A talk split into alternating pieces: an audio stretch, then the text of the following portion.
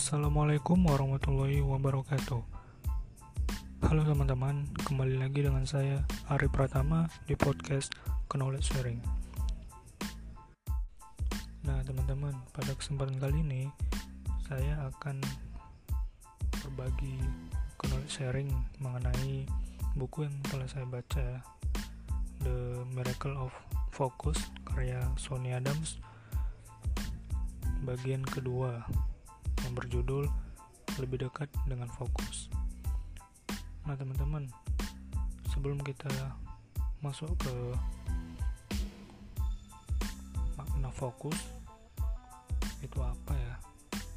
Sebelum itu ada suntai kalimat dari Alan Vanser yang berkata, "Cahaya matahari menghangatkan dunia, namun ketika Anda memfokuskannya melalui kaca pembesar, maka akan tercipta api."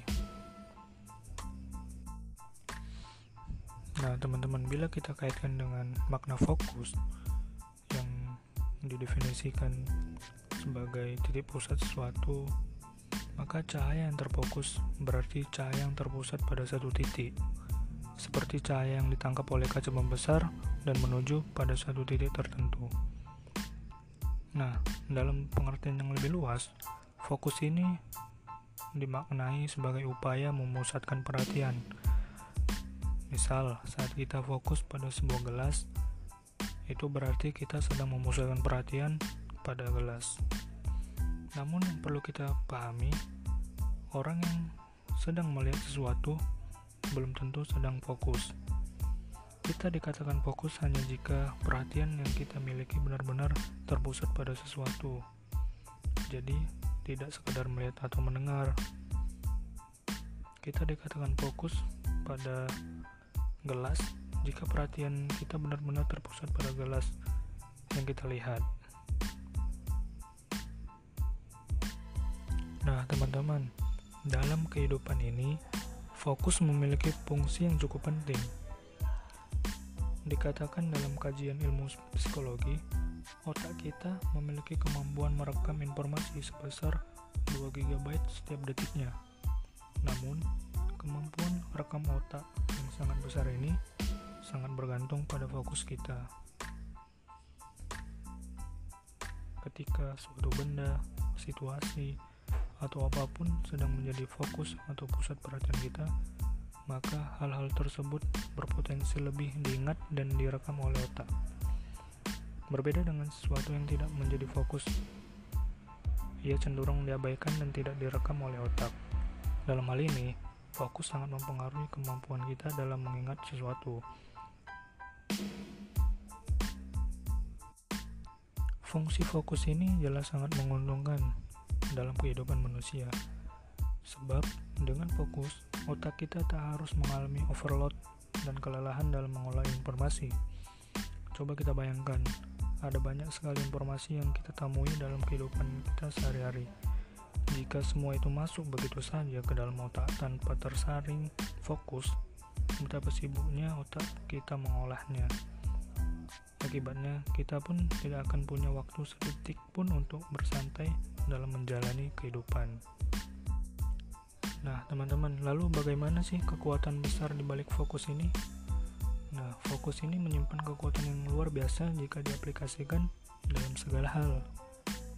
Alam sendiri telah banyak menunjukkan kepada kita bukti kedahsyatan sebuah fokus. Seperti contoh, kita pernah melihat batu yang berlubang karena tetesan air. Itulah contoh nyata kekuatan besar di balik fokus. Tetesan air ini yang kelihatannya lemah, tapi jika ia jatuh di satu titik secara terus-menerus, bahkan batu yang sangat keras pun bisa berlubang karenanya.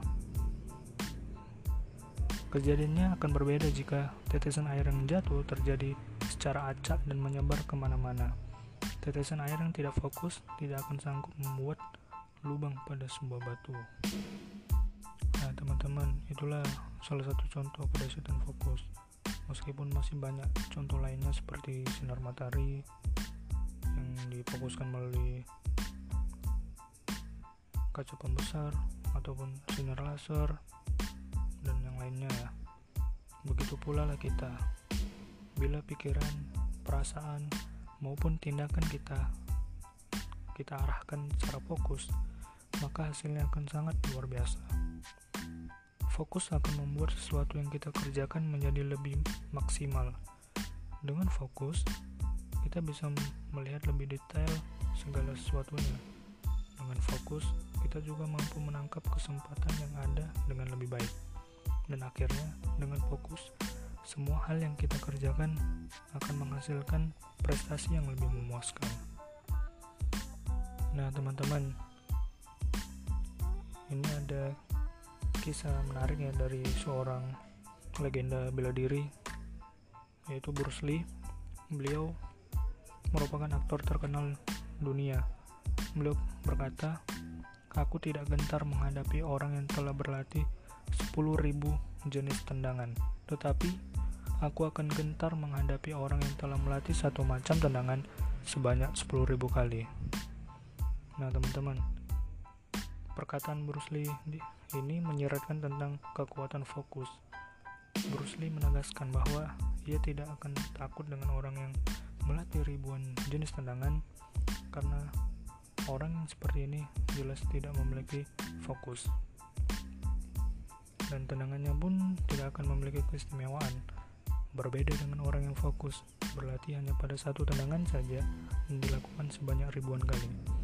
Tendangan yang dilatih ribuan kali tersebut pasti menghasilkan tendangan yang luar biasa. Ia akan menjadi seorang yang benar-benar ahli dan tendangan yang ia latih akan memiliki kekuatan yang jauh lebih besar. Nah, teman-teman, itulah beberapa hal yang bisa saya sampaikan mengenai lebih dekat dengan fokus Semoga dapat bermanfaat buat kita semua.